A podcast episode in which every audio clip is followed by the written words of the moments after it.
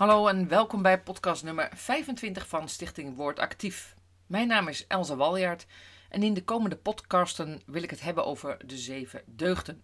De serie heet Het Gevonden Samen en is opgenomen ook als vlog en via beeld terug te vinden op YouTube onder Woord Actief. De intro van deze serie vindt u onder aflevering 1 en vandaag aflevering 3. Ik moet eerlijk zeggen dat ik best wel even getwijfeld heb over het vloggen en podcasten van deze serie. Met name omdat ik bij mezelf merk dat ik heel veel filmpjes en podcasten en linkjes krijg doorgestuurd van anderen waar, waar men over, enthousiast over is. Waar men een feit wil delen of waar iemand zijn of haar mening wil ondersteunen en uitleggen. Ik, ik heb gewoon te weinig tijd en ik wil ook de tijd daar niet voor nemen om al die filmpjes en podcasten te kijken en te luisteren. We hebben eigenlijk namelijk de beschikking over miljoenen meningen van over heel de wereld. En ik, ik merk dat ik het dan interessanter vind om te, onderzoeken wat ik er zelf vind van deze thema's. Gerelateerd aan mijn leven en mijn omgeving. En hoe ik dat mijn eigen kan maken, gecombineerd met Gods woord en de relatie die ik heb met Jezus Christus. Tegelijkertijd gebruik ik dus zelf films en podcasten. Dus ja, de vraag is: doe ik nu niet meer van hetzelfde? Ik moest denken, misschien is het een veel leuker idee om deze thema's onder genot van een kopje koffie met mensen te gaan bespreken. Dat je lekker het bos in gaat en gaat wandelen en gewoon deze, deze thema's, deze deugden uit gaat spitten met elkaar en ervan gaat leren. Wie weet gaan we dat wel uiteindelijk doen, maar vooralsnog toch nog een podcast.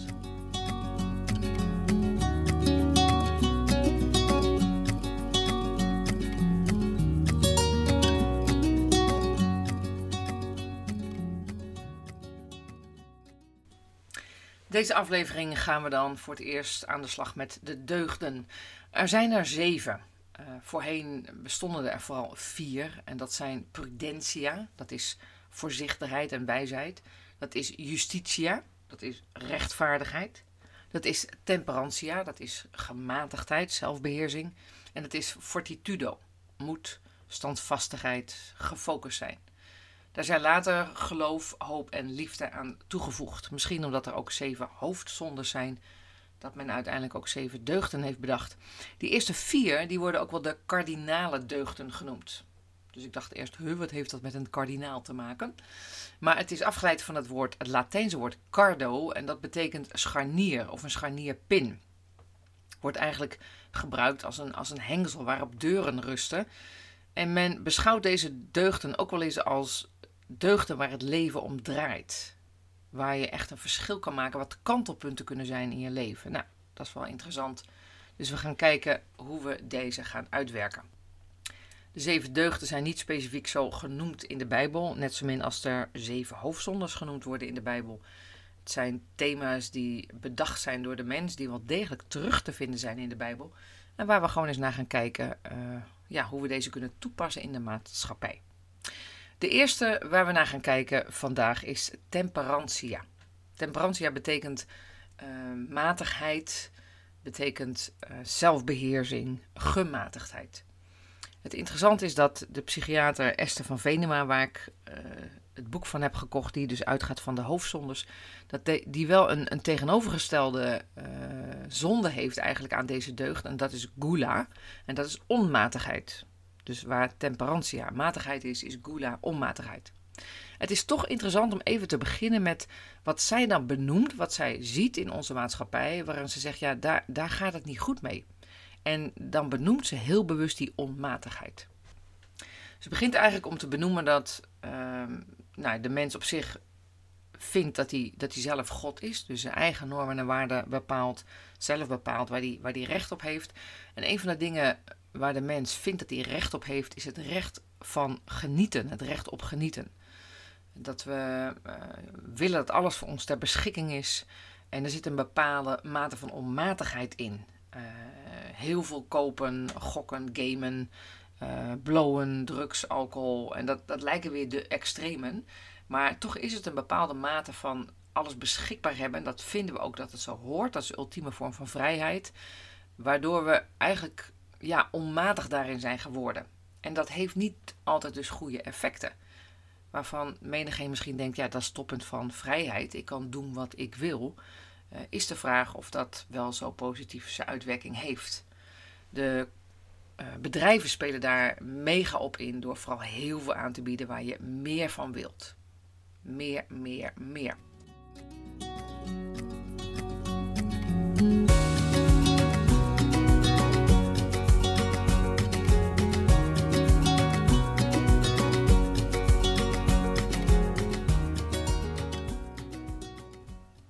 Onze hele economie is gebouwd op meer. We vinden dat mensen meer moeten werken en zodat je meer geld hebt, zodat je meer kan kopen, zodat de economie weer gestimuleerd wordt. En de laatste tijd duikt steeds vaker de vraag op: is dat wel zo goed dat we bezig zijn met meer? Moeten we niet gaan consumeren? Moeten we niet in plaats van altijd maar weer nieuwe producten en nieuwe kleding, kunnen we dan niet het oude bewaren of opknappen of ruilen of tweedehands kopen? Want we, het blijkt dat dat meer, meer, meer, eh, ja, rijk en arm, de kloof daarin groter maakt. Maar ook dat we troep maken op de aarde en dat het klimaattechnisch nou niet echt goed gaat. En toch is dat dan de ultieme vorm van vrijheid, wat je, wat je tegenkomt, uh, vooral individueel gezien. Ik heb recht op en ik, ik wil gewoon meer. Het interessante is dat Esther van Venema Bijbelteksten aanhaalt, terwijl ze zelf niet christen is, maar wel ziet dat er heel veel eigenlijk waarschuwingen en waarheden in de Bijbel staan. En zij citeert bijvoorbeeld Romeinen 13, vers 13. Daar staat: Laten we ons fatsoenlijk gedragen, zoals dat hoort bij klaarlichte dag. Doe niet meer mee met wilde feesten waar het gaat om eten, drank en seks. Houd ook op met jaloers zijn en ruzie maken. Laat je leven leiden door de Heer Jezus Christus. En doe niet meer waar, zomaar waar je zin in hebt. Dan ga je ook niet verlangen naar dingen die niet goed zijn. Nou, dat is best wel, zouden wij zeggen, scherp, maar het staat in de Bijbel. En zij citeert dit ook van, ja, de Bijbel waarschuwt ons eigenlijk wel. Gelaten 5 citeert ze ook. Broeders en zusters, geef u God heeft u niet de vrijheid gegeven om te misbruiken en uw eigen zin te doen, maar om elkaar te dienen in een geest van liefde. De hele wet is immers samengevat in dit ene gebod. Heb uw naaste net zo lief als uzelf. Prachtig. En in feite wat ze, wat ze hier aanhaalt is, ja, de Bijbel waarschuwt ons al, als we alleen maar bezig zijn met onze eigen zin, dat het eigenlijk niet goed gaat. En nou kan ik me al voorstellen dat als u dit hoort, uh, ook als u niet gelovig bent, maar ook als u wel gelovig bent, dus u denkt, oh, gaan we weer. Gaan we weer met het vingertje wijzen. Gaan we weer vertellen wat allemaal niet mag. En aan de andere kant is het best interessant om te kijken, hé, hey, waarom zou God hiervoor waarschuwen? Zou hij ons willen pesten doordat we niks leuks mogen, doordat we niet mogen genieten? Of zou daar misschien vanuit God wel iets levendmakends achter zitten? Is het wel heel erg wijs van God dat hij zegt: het gaat om mij liefhebben boven alles en je naast als jezelf? Zit daar misschien veel meer leven in dan ik heb zin en ik wil en ik ben mijn eigen God en ik heb geen zin om verantwoordelijkheid af te leggen. Dit is wat ik doe en wat ik wil. Een van de zaken die ze ook noemt als het gaat om onmatigheid is het gebruik van de smartphone. En ik denk dat dat wel iets is wat we met elkaar signaleren. Misschien de ene groep veel minder dan de ander. Ik merk best wel verschil als ik hier in de Randstad spreek. Of dat ik op een jongerenweekend in, in Friesland of in Groningen ben. Dan valt het me gewoon op dat niemand met zijn telefoon daar rondloopt. En in de Randstad eigenlijk, nou ja, als ik ergens binnenkom, zit zeker 90% naar zijn schermpje te kijken. Dus er is wel verschil. Eh, maar het is wel iets wat ik om me heen ook hoor en ook bij mezelf merk van Elsa, let op dat je niet gewoon constant met die telefoon bezig bent. Het is onmatig. Het is waarvan de psychiater ook zegt: jongeren zijn gevoelig voor impulsgedrag, uh, voor sociale acceptatie, voor beloningen. En die zijn dus extra gevoelig voor wat er allemaal emotioneel gebeurt via social media. En daar, ja, daar brengen ze dus heel veel tijd op door. Ik vroeg laatst aan Tina: hoeveel uur schermtijd heb jij op een dag? En dat was zo'n half vijf middags. En ze keek op haar telefoon en zei: zeven uur. Dus ik zei: Hoe kan dat nou? Je bent toch naar school geweest? Ja, en? Dus, dus dat, dat gaat de hele dag door. En het, het is een feit dat op het moment dat je constant bezig bent met kijken naar iets, met luisteren naar iets, kom je niet tot rust. Je hersenen blijven geprikkeld worden. Je blijft kijken naar wat iemand anders zegt. Je bent niet zelf iets aan het verwerken. Je bent niet zelf creatief aan het zijn. Uh, vervelen is soms heel goed. Ergens nadenken over is heel goed. En je verwerkt dingen. Maar daar kom je niet aan toe, want je bent constant bezig met wat iemand anders zegt en wat iemand anders uitbeeldt. Uh, en dat is waardoor hersenen overprikkeld raken. En tegelijkertijd uh, isoleert het je. Ze hebben echt wel onderzoek gedaan en dan zeggen ze ook de hoeveelheid schermtijd uh, verhoogt het risico op meer depressie, op eenzaamheid, gevoelens van leegte, slaapproblemen, negatief zelfbeeld, verminderde sociale vaardigheden en afgenomen concentratie. Dat is nogal wat. En dat gaat dus over um, meer, meer, meer onmatigheid als het gaat om het gebruik van de smartphone. Nou, en dan, dan gaat zij daar het hele hoofdstuk op in. En dan merk ik ook zelf dat ik aan het eind van het hoofdstuk denk: ja, oké, dat, dat is zo. En daar word ik zelf een beetje depressief van als ik dat lees. Um, maar hoe dan anders? Nou, en dan geloof ik dat we kunnen kijken naar het omgekeerde, de deugdmatigheid.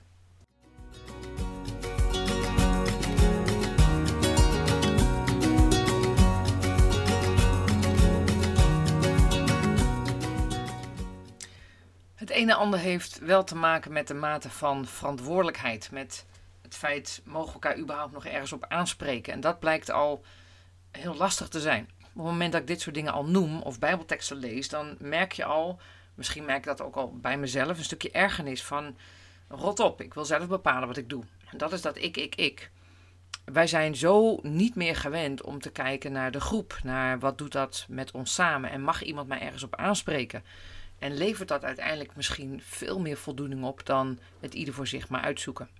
Nou, als het gaat over temperantia, dan gaat het over temperen. Het woord is matig, uh, matigheid. En dat klinkt misschien op zich niet zo positief. Ik weet niet of u dat nog weet op school. Dan krijg je als cijfers uh, uh, goed, voldoende, matig of onvoldoende. Dus matig zit dan tussen voldoende en onvoldoende. Nou, dat, dat is niet zo heel fijn. Ehm, maar het woord op zich minder is natuurlijk niet verkeerd, net zo goed als het woord meer niet verkeerd is. Ik kan matigen met ongezond eten.